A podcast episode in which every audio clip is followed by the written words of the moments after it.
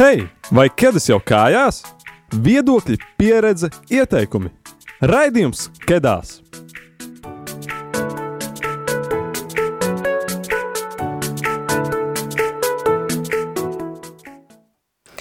Čau, čau! Jā, es ceru, ka tev ir kādas kājās, jo mēs esam atpakaļ jau jaunajā 2024. gadā. Tā kā laimīgi jauno gadu tev klausītāji, un šomēnes tā kā ir Kristiešu vienotības nedēļa, mēs vēlamies parunāt par dažādām konfesijām un tradīcijām, kas ir baznīcā, mums šeit ir četri brīnišķīgi viesi, un es tad varbūt lūkšu nedaudz tā īsos, īsās frāzēs iepazīstināt ar sevi. Nu, es sāku, esmu priesteris Kārlis Miķelsons, esmu no katoļu partijas, katoļu priesteris. Un uh, pašlaik joprojām studēju Romā, bet visos brīvlaikos un uh, svētkos esmu šeit Latvijā Rīgā, un tāpēc arī varēja būt šodien viesis. Labvakar, uh, Gins Graudiņš, mācītājs Gins Graudiņš, uh, Rīgas svētā Jāņa uh, draudzes mācītājs, uh, kā arī pasniedzējs Lutera akadēmijā. Sveicieni visiem! Mani sauc Matīs, Matīs Babrovskis no Rīgas Mateja Baptistu draudzes, un man ir prieks arī šodien šeit būt. Labvakar! Priesteris Jānis Dravāns, Latvijas pareizsīgā baznīca, Rīgas latviešu debesbraukšanas draudzes pārzinis. Priecājos šeit būt un sveicināt jūs jaunajā gadā kopš mūsu pestītāja piedzimšanas. Ļoti jauki. Uh, nu tad uh, pie pirmā nelielā jautājuma. Uh, kā vispār nonācāt līdz savam aicinājumam? Jūs visi esat priesteri vai mācītāji, visi esat kaut kādā veidā ordinēti. Un uh, kāpēc piedarat tieši šai tradīcijai? Vai pirms sākt ar uh, pareizcīgo priesteri? Nu, es, esmu dzimis laikos, kad, um, kad um, valdīja ateisms kā oficiāla sabiedrības doktrīna. Uh, kas noliedz Dieva tā kunga esamību kā tādu, un kad arī ziņa, ziņa par to kungu bija ļoti grūti pieejama, un ne, ma, ne masa mēdī par to runāja, vēl vairāk nebija tādu līdzekļu kā droši vien tagad šķiet neiespējami dzīvot bez interneta un ar to saistītajām ierīcēm un tehnoloģijām, tad arī tā nebija. Un bibliotēkās arī pat tāda pamat, pamat līdzeklis kā bībele nebija, nebija rodama. Tātad jau tādos jau studentu gados uh, pirmā iepazīšanās vispār ar tādu kā šo patiesību, ka ir Dievs kungs radītājs. Ja, tā, tā, tā mums notika e, Rīgas Tehniskās universitātes zinātniskajā bibliotēkā, ja, kur parādījās pirmie, pirmie tādi izdevumi, e, kur runāja par garīgajām parādībām, kaut ko publicēja uh, par Dievu zināmā mērā, un tā pamazām Un pamazām tikai teiksim, 80. gadu beigās, 90. gadu sākumā varējām gūt uh, kaut kādas pamata uh, zināšanas par Dievu, uh, par to vispār par to patiesību, ka Dievs kungs ir, ka ir pasaules radītājs, ka mēs nesam šeit nejaušība, ka mūsu pasaule nav nejaušība.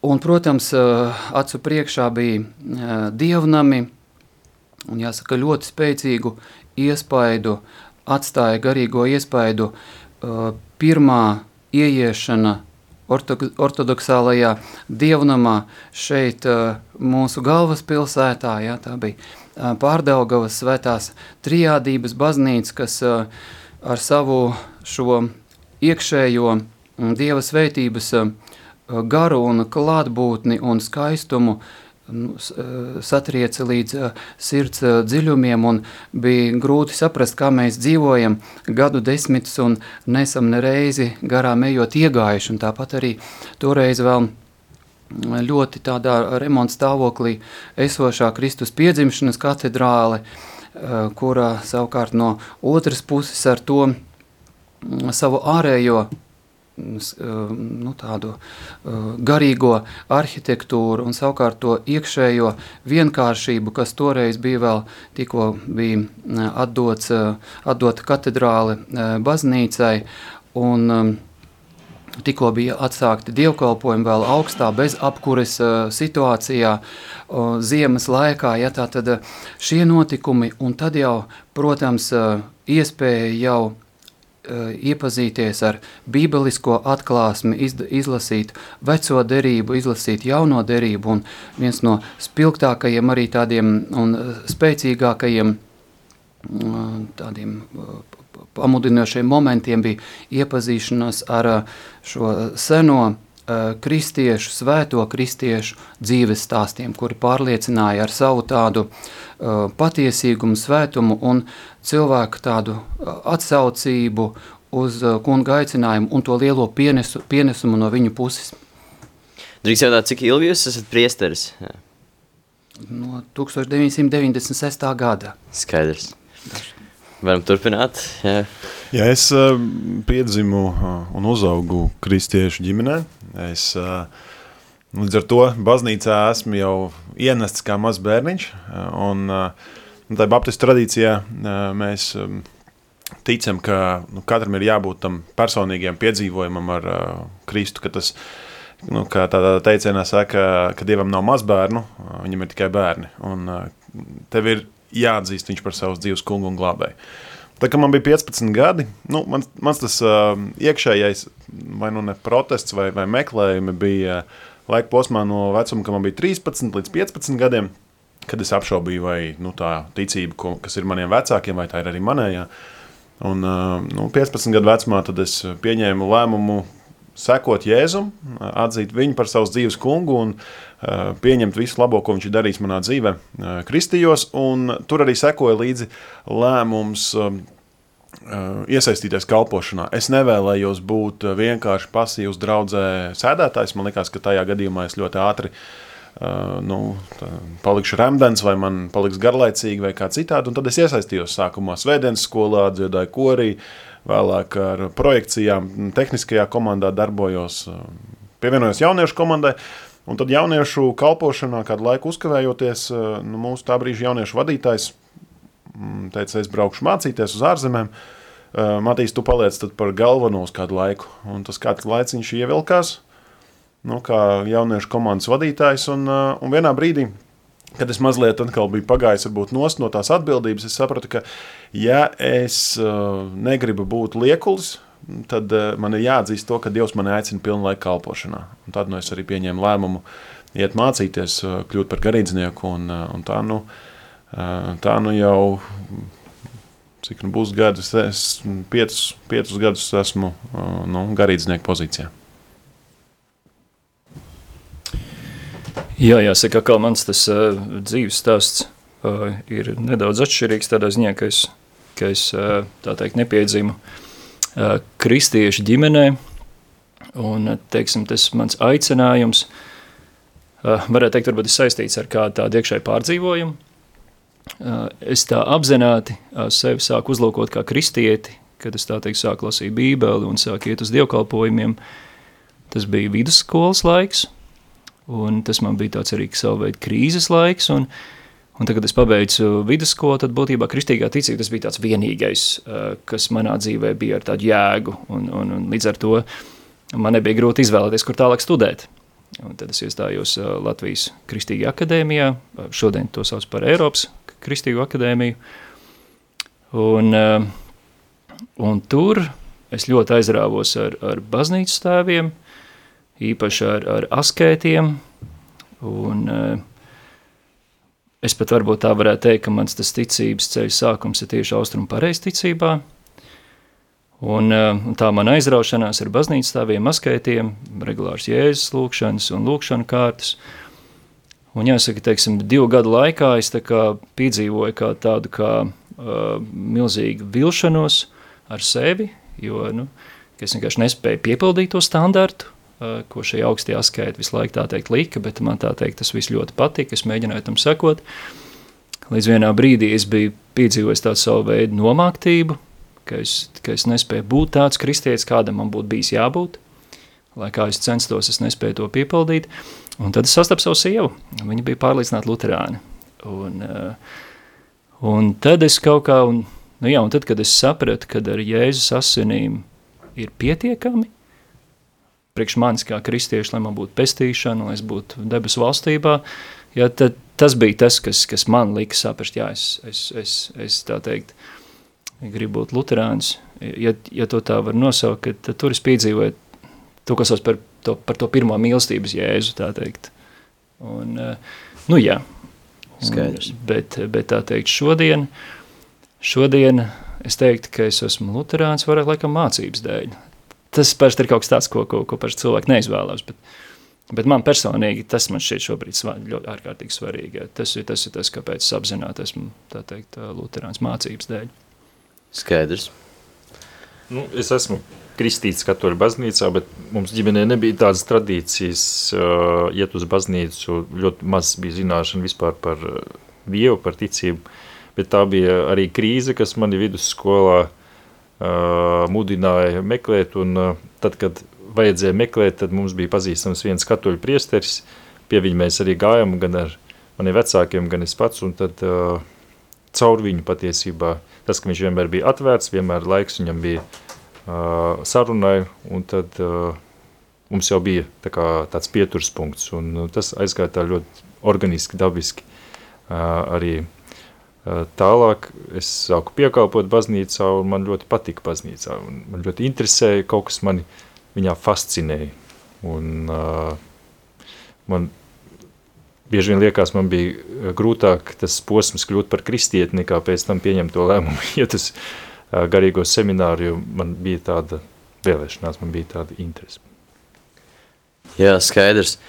Nu jā, un tad mēs varam, tad, kad mazliet esam iepazinušies, varam nonākt līdz tādai nelielai, nelielai diskusijai, kurā varam parunāt par dažām uh, baznīcas un, uh, jā, dieva un svēto attēlošanas formām, ja zinām, ka katoļu baznīcā ir svēto statujas un svētbildes un pareizīga baznīcās ir ļoti skaists ikons un viss tas uh, tāds arī garīgums ir attēlots. Un, Protestantu baznīcas uh, dažreiz vizuāli asketiskāks, bet arī ir luterāņiem un arī uh, senāk luterāņu baznīcās tomēr bija vairāk arī dažāda veida statujas un evaņģēlija attēlošana arī dažādos notikumos.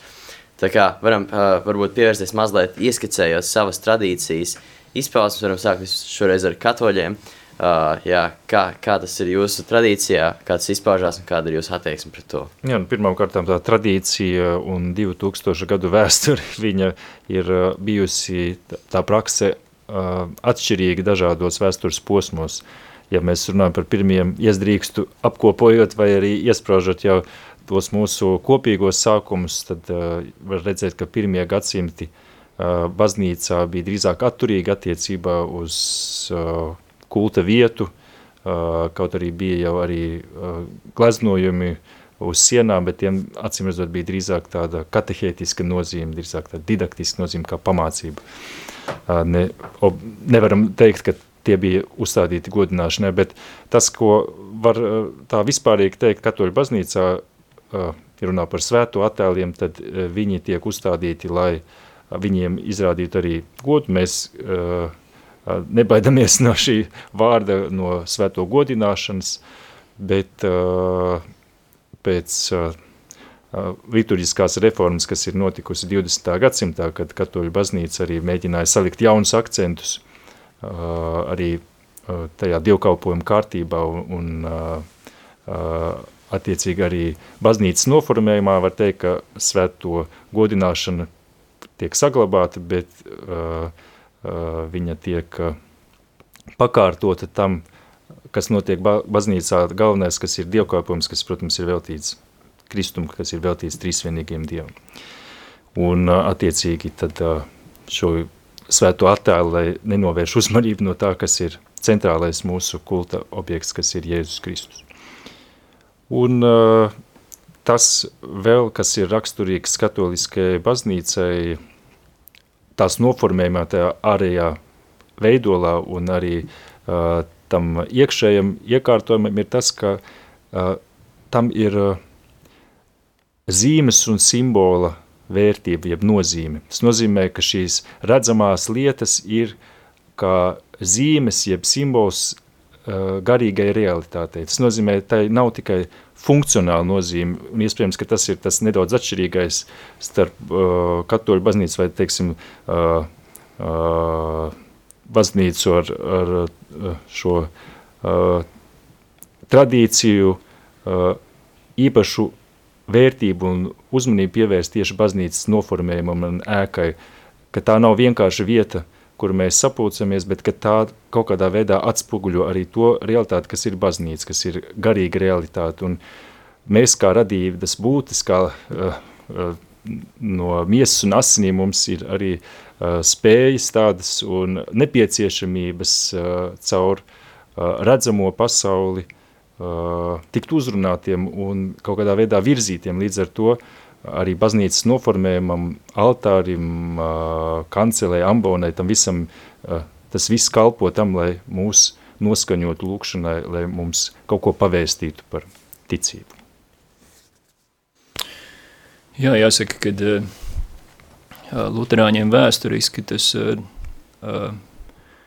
tā, tā attieksme pret, pret uh, baznīcas tēviem un svētiem ir tas, ka kad mēs labprāt ņemam piemēru no viņa dzīves stāsta, labprāt iedvesmojamies no viņiem, labprāt uzlūkojam to viņu svētapšanu un to, kā viņi praktizēja savu personīgo dievbijību un, un, un, un, un tur arī mēs paši meklējam, tā teikt, kaut kādus iedvesmas avotus, bet, bet atkal tas, kad ar to pielūkšanu, tas ir tas, ko mēs tā teikt rezervējam vienīgi Dievam, un, un arī, piemēram, arī Rīgas svētā Jāņa baznīcā, Iet iekšā, to arī var redzēt. Arī, arī ir, ir apstāsts Pēters ar, ar atslēgām rokām un apstāsts Pāvils ar zobenu rokām.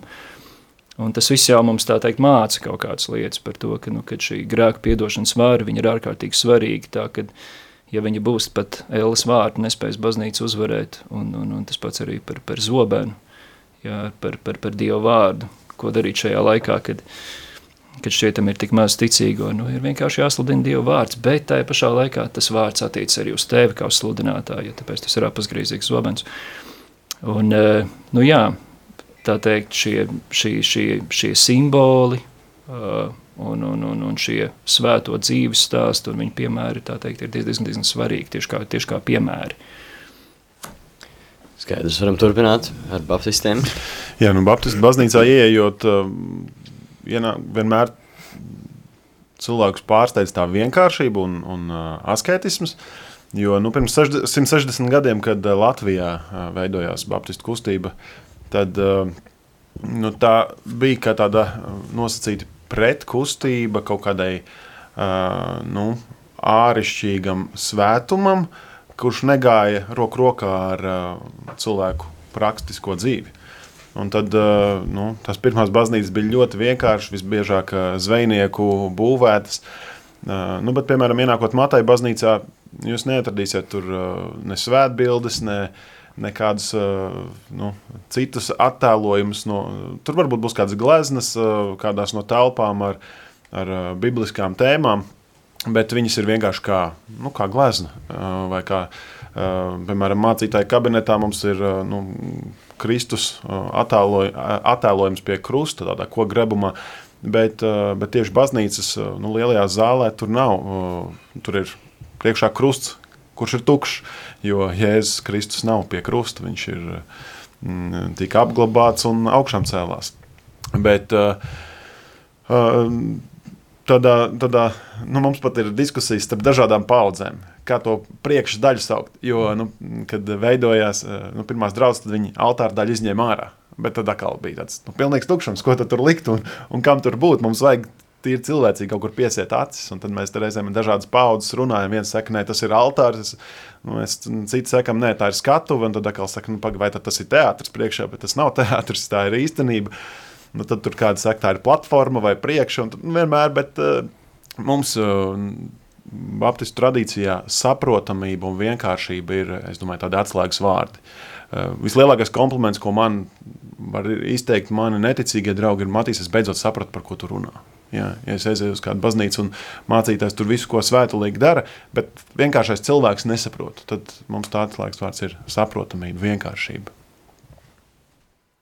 Jā, sakot par svēto pareizcību, arī subjektīvi savā laikā meklējot un iepazīst, iepazīstoties ar šo mums dāvāto bagātību, tas bija tāds satriecošs moments, ka svētajā pareizcībā no paudzes paudzē, no paša pestītāja zemes dzīves laika caur viņa, viņa izredzētajiem personīgi izredzētajiem mācekļiem, svētajiem apustuļiem un tādu apustuļu vīriem un tālāk no paudzes paudzē tiek nodota šī Dieva eh, godināšanas, Dieva pagodināšanas, Dieva ticības eh, dzīve, eh, gan ar piemēru, gan mācībām. Ja, un šī, šī paudžu, no, no dzīves paudzes nākošai dzīvai kristiešu paudzei nepretrunīgi um, ar iepriekšējo, nepretrunīgi ar Dieva atklāto gan vecajā derībā, gan īpaši jaunajā derībā. Un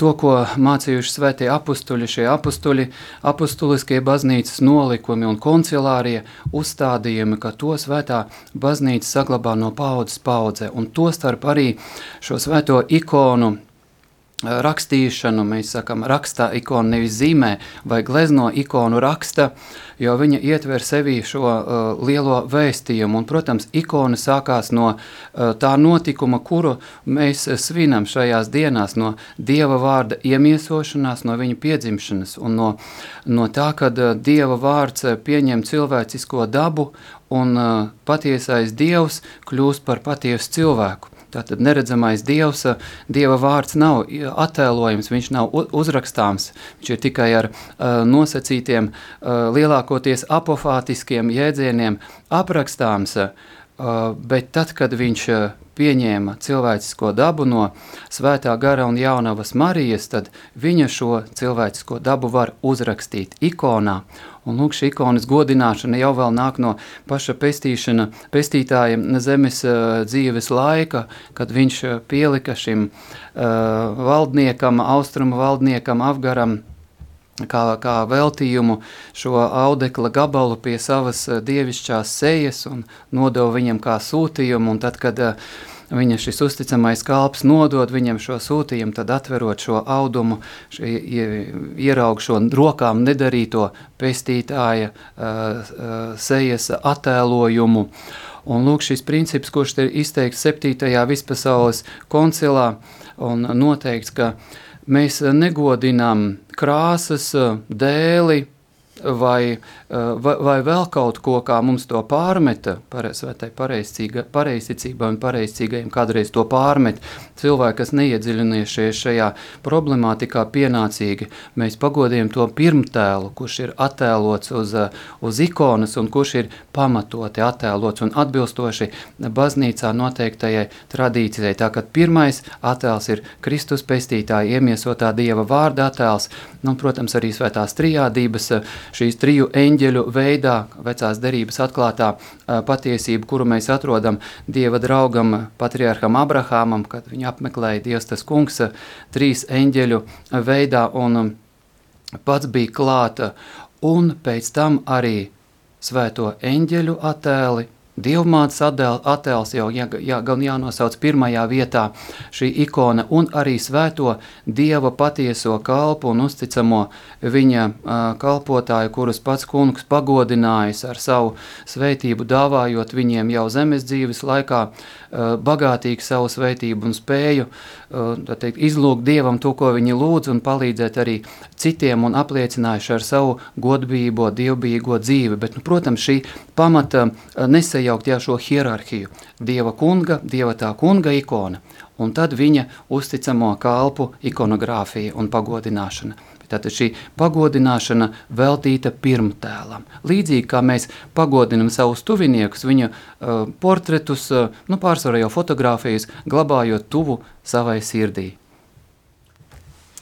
Jā, un uh, tad uh, jau ir pienācis tāds uh, raidījuma vidus, un kā ierasts ir mūzikas pauze, un šoreiz tā kā mums ir ļoti daudz konfesiju pārstāvju šeit, tad ir vairāk viesu nekā man šķiet ir bijis šajā raidījumā,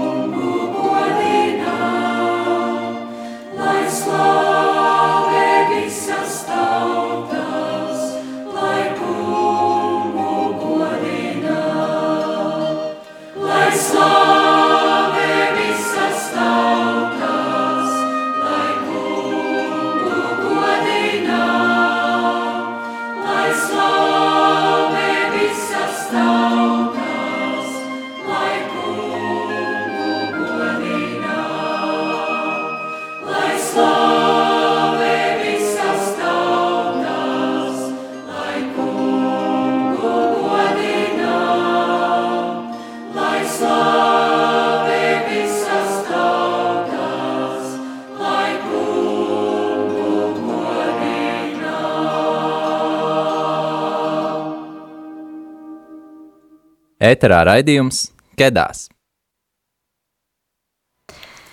Jā, mēs esam atpakaļ no mūzikas pauzes, un kā jau ir ierasts, mums arī šoreiz ir sagatavoti ātrie jautājumi, kuros es vēlos uzst, um, likt uzsvaru uz tieši ātro daļu, lai mēs neie, neizlietotu laiku šim. Un tad uh, pirmais ātrais jautājums, kas mums ir sagatavots, ir, uh, cilvēks, kas jūs iedvesmo vai uh, ir visvairāk iedvesmojis dzīvē? Tas ir ārpēc jautājums. Jēzus. Tā ir pareizā atbilde. es teikšu, mans tētis. Mamma mia. ok, labi. jā, mamma mia. Varbūt, jā, tieši tad, varbūt, ka es no mammas esmu visvairāk iespaidojies. Jā. Jā, jums. Nu, runājot par cilvēkiem, jā, svētais, svētais sirdskaidrais Jānis Pakāpnieks. Jā, jā. Jā, tad uh, nākamais jautājums ir, kura ir jūsu mīļākā rakstu vieta? Tā kā mēs precējāmies ar sieviņu, mēs um, Gradzenos iegravējām Jeremijas 29.11, kur ir rakstīts, uh, jo, jo uh, es zinu, kādas domas man ir jums, ne, miera un glābšanas domas. Uh,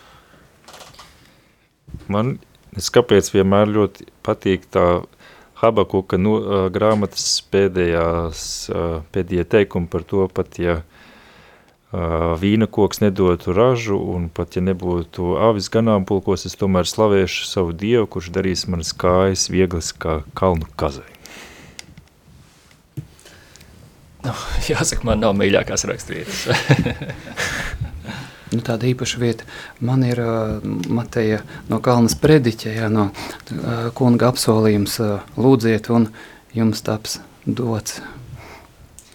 Un tad nedaudz atgriežoties pie mūzikas, kāda ir mīļākā Ziemassvētku laika dziesma? Svētā, svētku Kristus piedzimšanas svētku katavāsija, un ko sāk dziedāt, gatavojoties svētkiem baznīcā, Kristums, Kristus piedzimst, slavējiet, Kristus no debesīm sagaidiet. Nu, man ir skaista rozīta zina.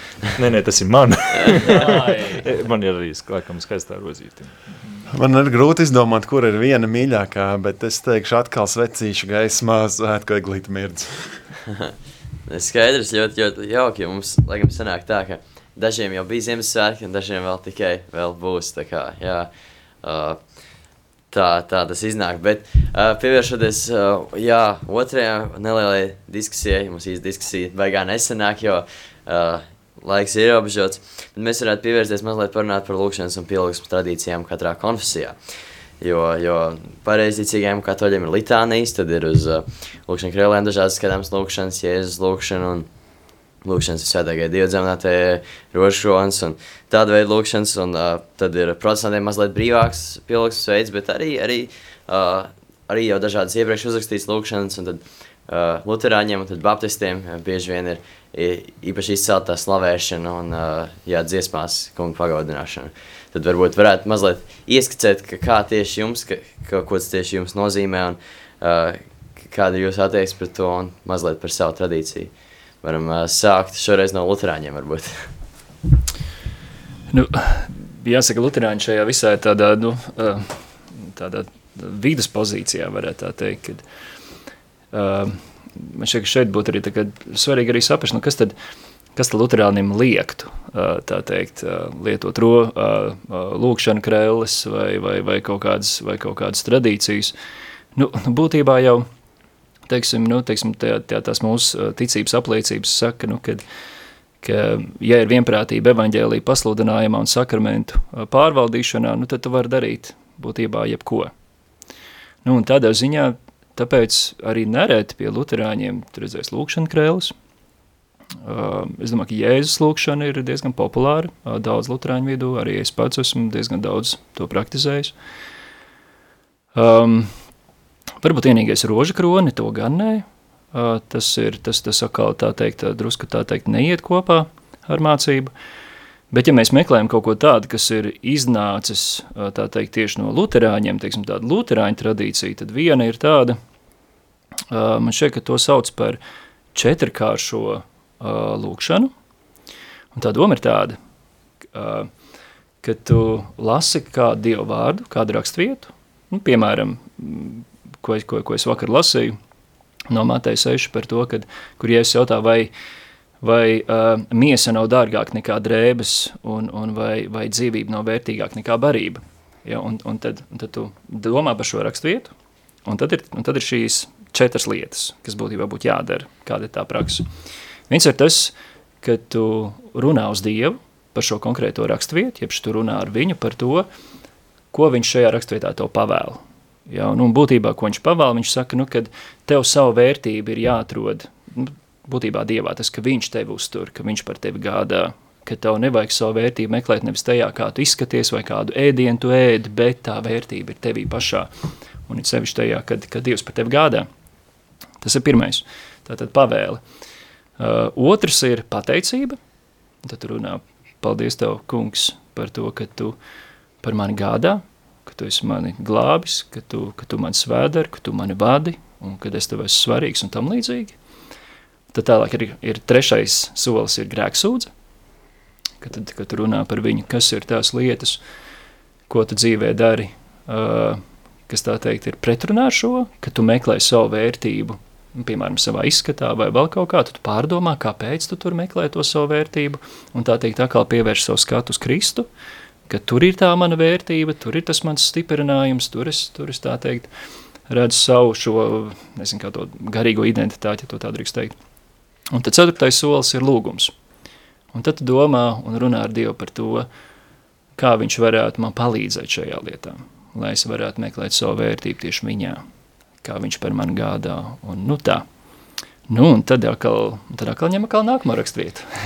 tā, tā. Jā, es, šī ir viena, man šķiet, ka tā arī nāk no Lutera. Jā. Interesanti, interesanti. Es pat nebiju tik ļoti par tādu dzirdējis, lai mm -hmm. es luterāns esmu. Mm -hmm.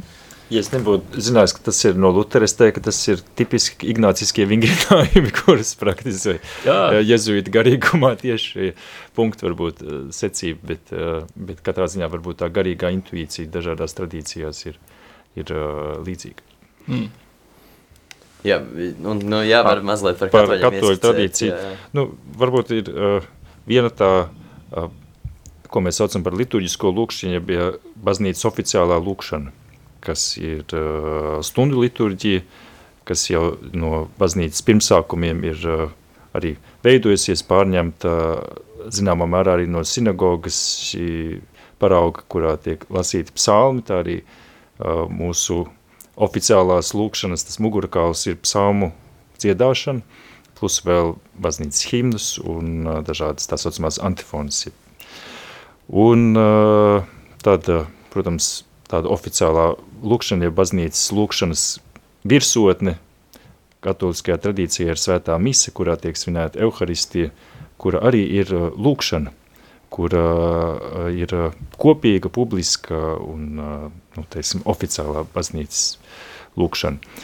Un var, varētu runāt par citādām tādām lūkšana formām, bet uh, tad ir uh, šī tautas dievbība, ja privātā dievbība, kur ir veidojusies uh, vairāk vai mazāk spontāni un uh, kura ir tad izpaudusies uh, dažādos laikmetos atšķirīgi, bet rožkrons, kopš viņš ir uh, pakāpeniski radies tieši kā alternatīva šai oficiālajai lūkšanai, tāpēc, ka klosteros bija diezgan daudz arī analfabētu, kur nemācēja uh, psalmus no galvas, kā to parasti mācēja mūki, vai arī bija kādi laju brāļi, un tad viņi aizvietoja, piemēram, šos psalmus, jeb nedēļā uh, vai dienā konkrētos psalmu skaitu ar tēvs mūsu lūkšanu, vai arī vēlāk ar kādu dievmātei veltītu, piemēram, es sveicinātu Mariju lūkšanu.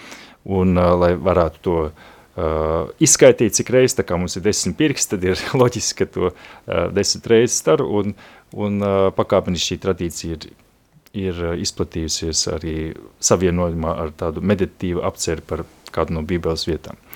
Un es varu teikt, ka tā viennozīmīgi man mīļākā lūkšana, es uh, viņā sevi atrodu atkal un atkal, un uh, viņa dod man milzīgu garīgu tādu drošības un, un miera uh, sajūtu. Bet, uh, jā, nu, es nezinu, vai mēs varētu izsmelt kaut tuvu to garīgo bagātību vai praksi, kas ir mūsu uh, visu lūkšanu tajā arsenālā. Jā, varam jā, virzīties kaut kā tālāk. Jā, nu kā, kā jau Baptistam, tad uh, mums tā vienkāršība un saprotamība ir arī caur lūkšanu. Tur nav varbūt tādas uh, tradicionālas, formālas lūkšanas. Uh, un uh, tas reizēm jauniem kristiešiem ir sarežģīti. Viņi saka, es nezinu, ko teikt, jo mums tā ir vienkārši saruna ar Dievu. Ja Pāvils raksta, lūdziet bez mitēšanās, nu es saprotu, ka mums jālūdz ir bez maz vai nepārtraukt visai manai dzīvē, ir jābūt kā pielūgsmēji tam kungam. Un uh, reizēm mums ir ko teikt, un reizēm mums nav ko teikt. Un tāpat kā ar draugiem, reizēm ir vienkārši labi būt kopā un nemaz nerunāt. Un, uh, manā dzīvē lūkšana ļoti dramatiski pamainījās. Tā, kad es nu, piedzīvoju to jaunpiedzimšanu 15 gadu vecumā, un es sapratu, ka es varu lūgt ne tikai saliekot rokas, aizverot acis baznīcā vai pie galda pirms ēdiena vai, vai vakarā, pateicoties par aizvadīto dienu, bet tā ir saruna, kur eh, nevienmēr man būs skaidra struktūra vai virzība, bet es eh, gāju no rīta uz skolu un es eh, sarunājos ar Dievu kā ar draugu. Un es viņiem teicu, re, kā es aizgulējos, un redz, kāds man priekšā ir tests, un tu jau zini, ka es neesmu sagatavojies kā parasti, bet, un tad es tur nodziedāju, kāds esmu tāds, es atnāku uz saviem spēkiem neceru, ne? Un, un, un tā, tas viss kļuva tāds dzīvs un, un reizē gaužām vienkāršs, un uh, no tādām nu, visiem zināmām lūkšanām mēs uh, baudot uh, svēto vakarēdienu, arī draudzē vienmēr lūdzam mūsu tevs debesīs lūkšanu, ko Jēzus mācīja. Bet, uh, bet citādi, nu vienmēr, ja ir uh, nu, tā priekšā uzrakstīta lūkšana, ko nekas neaizliedz praktizēt, uh, vienmēr tomēr tādam vidējam baptistam būs sajūta, Paga, bet tas nav pa īstam, jo tas nenāk no manas sirds, bet to kāds cits ir sajūts. Tā bija pa īstam tam cilvēkam, kas to uzrakstīja.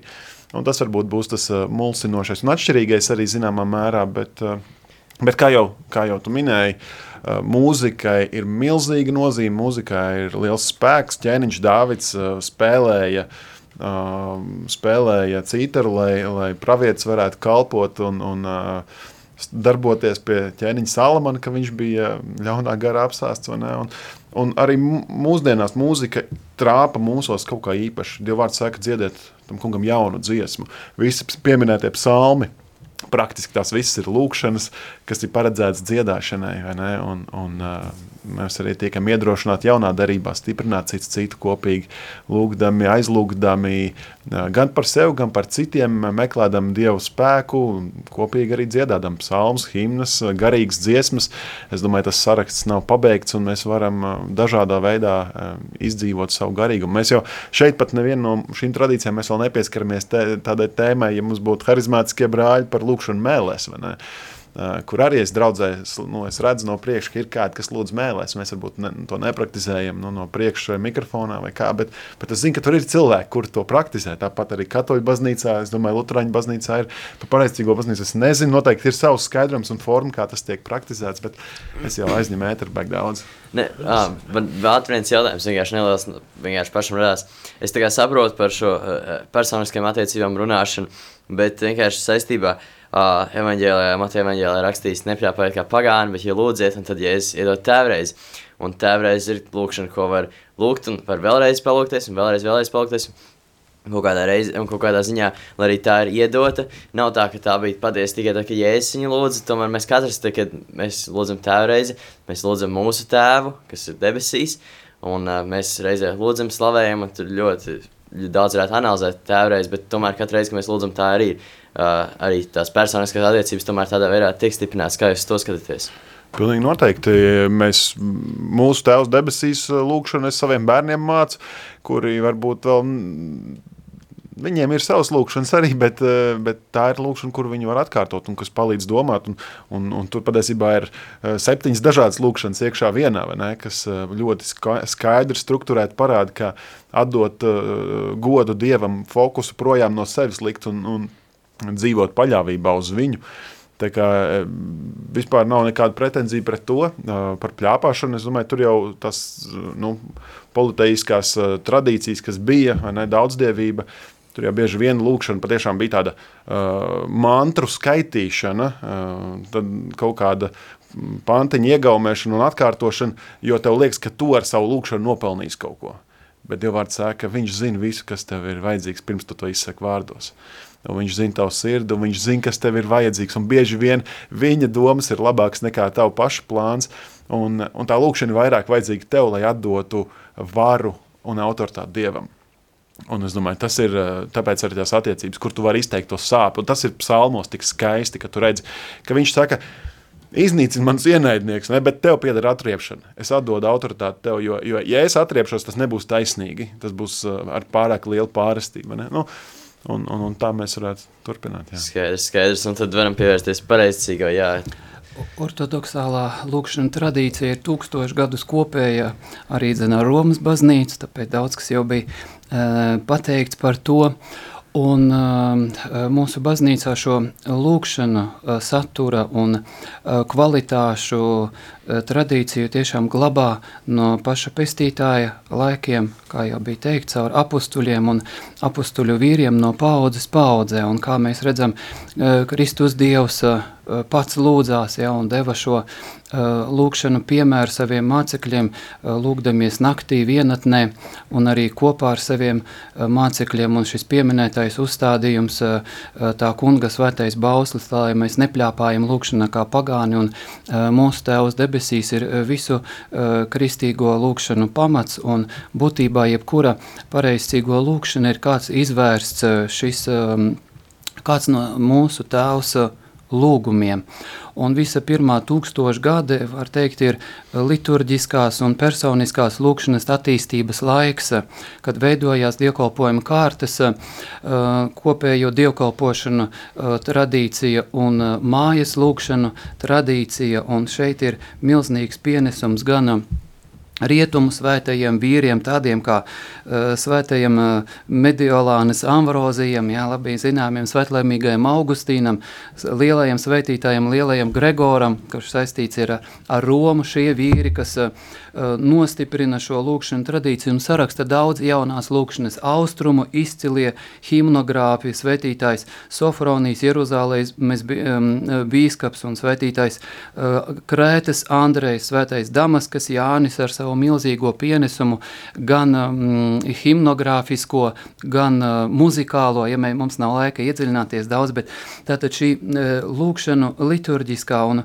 mājas uh, prakse svētajā baznīcā ir veidojusies tūkstošu gadu garumā, nemainot savu garu, nemainot lūkšanu uzstādījumus, paliekot pie šiem trīs pamata principiem. Tātad lūkšanā ir vajadzīga mūsu sirds un prāta uzmanība, uh, sirds uh, satriektība, tā kunga priekšā, tātad bijība, ja, un, un nesteidzība, lai mūsu prāts tiek līdzi lūkšanai.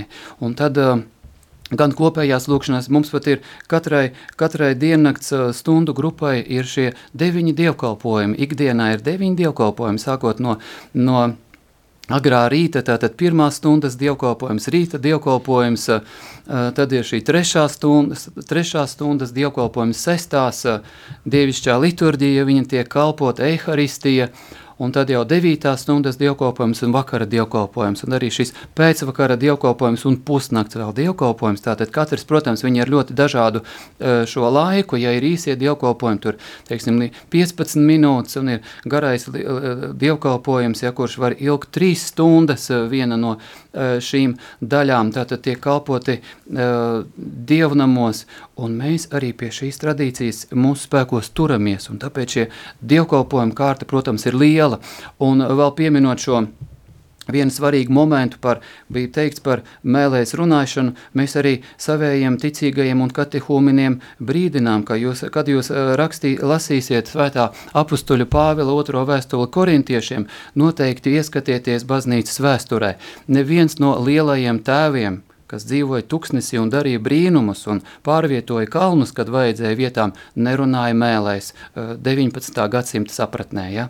Tātad tas ir tāds īpašais eh, baznīcas tradīcija un vēsture, arī vēsture skaidrā, caurspīdīgā, transparentā vēsture eh, parāda, ka tāda droša mēlēs runāšana ir dāvana apustuliskajai kopienai. Un pēc tam jau ir ar ļoti dažādām atrunām un ļoti lielām problēmām. Un orto, ortodoksālajā lūkšana tradīcija nezina vairs no jau no otrā gadsimta, praktiski nezina šo, šo apzināti, nezina saprotot un novērtējot un redzot arī to bīstamību, kas var rasties no šī uzstādījuma. Nu, protams, nepārtrauktā lūkšana, kungs apžēlojies, vai kungs Jēzu Kristu Dieva dēls apžēlo mani grēcīgo, vai kā cits lūkšanu pāns, ko pēc apustuļa noteiktā, apustuļa Pāvila teiktā lūdziet Dievu nepārtraukti, mēs arī cenšamies visi kristīgie ļaudis pildīt un veikt. Jā, un uh, Kā jau es pieminēju arī sākumā, jau pēc pāris nedēļām, no 18. līdz 25. janvārim, būs Kristiešu vienotības nedēļa, kurā, kas būs tāda lūkšana nedēļa par to, lai visi kristieši būtu vienoti. Un varbūt jūs katrs varētu pateikt, kāds ir jūsu novēlējums uh, visiem kristiešiem, kuri šo klausīsies. Īsts novēlējums. jā, kuri klausīsies gan uh, šajā laikā, gan tieši arī uh, šajā Ziemassvētku laikā, gan arī Kristiešu vienotības nedēļas laikā, gan arī ikdienā saistībā, saistībā tieši ar lūkšanu un uh, pielūgsmi. Nu, ja es drīkstu sākt, tad eh, es uh, novēlu nebaidīties, bagātināties no brāļu pieredzes. Man, piemēram, ir liela interese, un es ar lielu interesi klausos tieši dažādas tradīcijas, jo viņas ir nevis pretrunā ar manu tradīciju, bet gan viņas uzliek citus akcentus un viņas uh, mani bagātina. Un bieži vien ļauj man saprast arī labāk pašam savu tradīciju. Līdz ar to novēlu nebaidīties, novēlu bagātināties un novēlu līdz ar to iepazīt labāk arī pašiem sevi.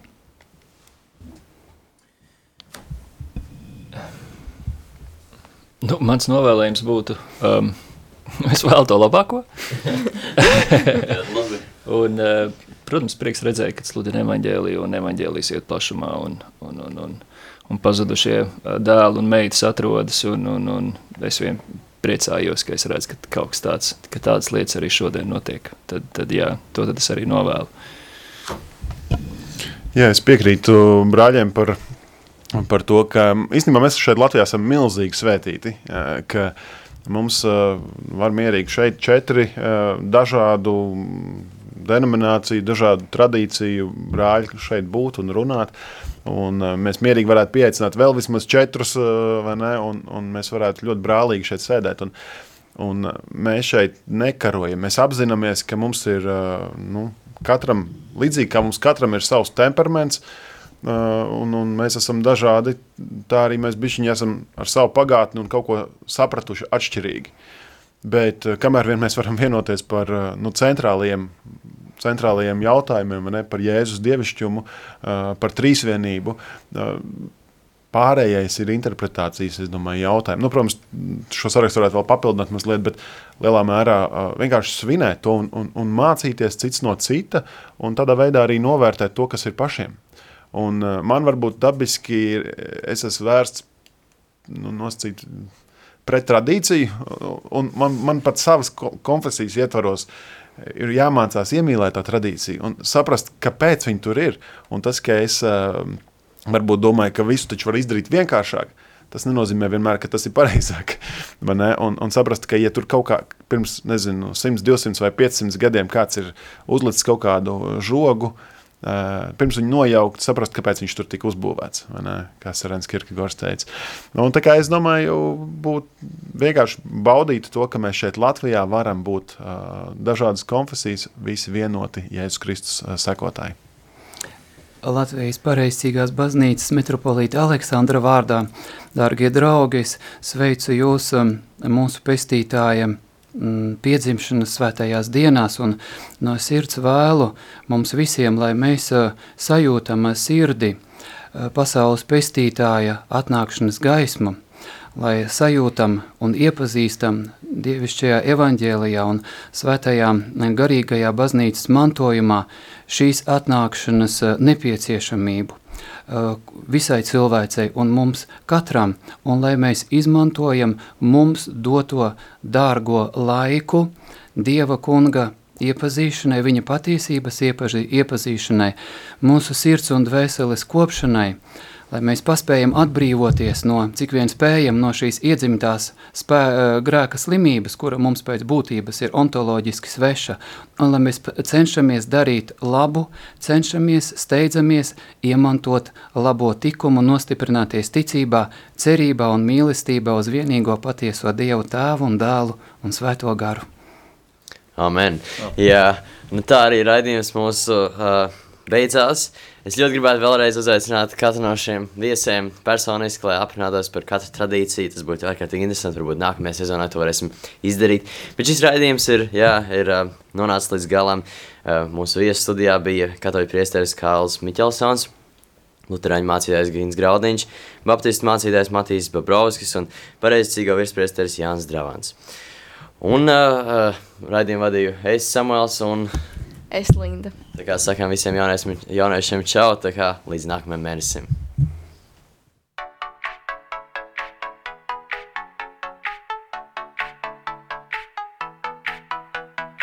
Tu tikko dzirdēji raidījumu Kedās. Seko mums Facebook un Instagram et raidījums Kedās. Tiekamies katru mēnešu pirmajā trešdienā, pulksten astoņos vakarā.